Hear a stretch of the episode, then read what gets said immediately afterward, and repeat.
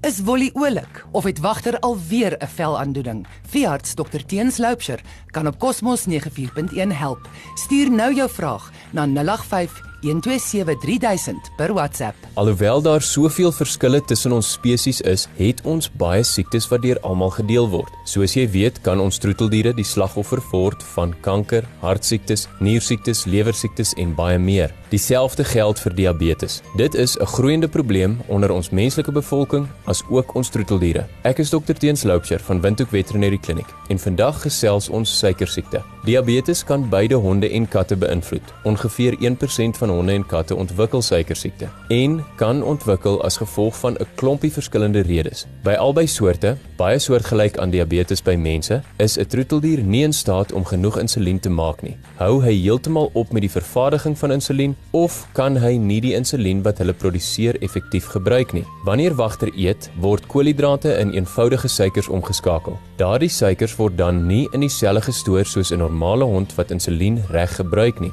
maar swem liewer in die bloedstroom rond en dit lei tot allerlei ander probleme. Vetsigheid, ouderdom en genetika is die hoofrisikofaktore van suikersiekte. Jy kan gerus na my vorige gesprekke gaan luister oor hoe ons vetsigheid veg. Ouer diere is meer gereeld aangetas en dan luister bietjie na hierdie lys vir rasse wat meer vatbaar is. Cocker Spaniels, Doberman Pinschers, Miniatuur Pinschers, Duitse Herdershonde, Golden Retrievers, Labrador Retrievers, Pomeraniërs, Terriers, Poodles en Miniatuur Schnauzers.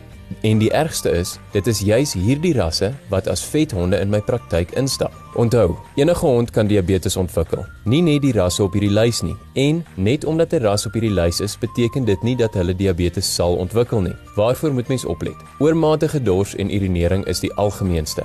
Wanneer wagter meer drink, moet hy meer urineer.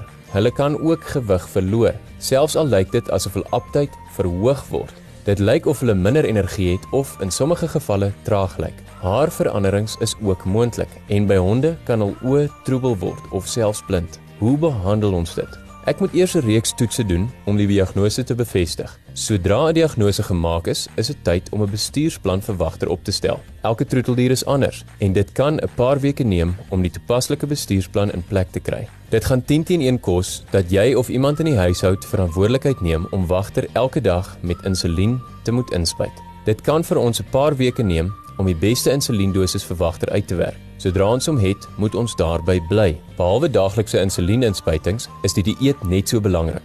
Hy moet reëlmatig kos kry, selfde tyd elke dag en meervoudige kere per dag. Die dieet moet hoë proteïene bevat en min koolhidrate.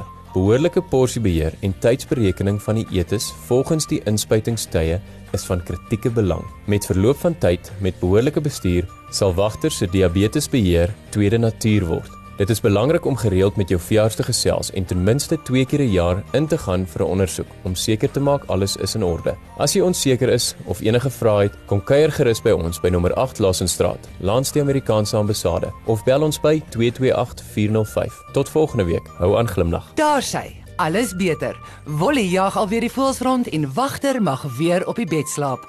Dankie dokter Teens.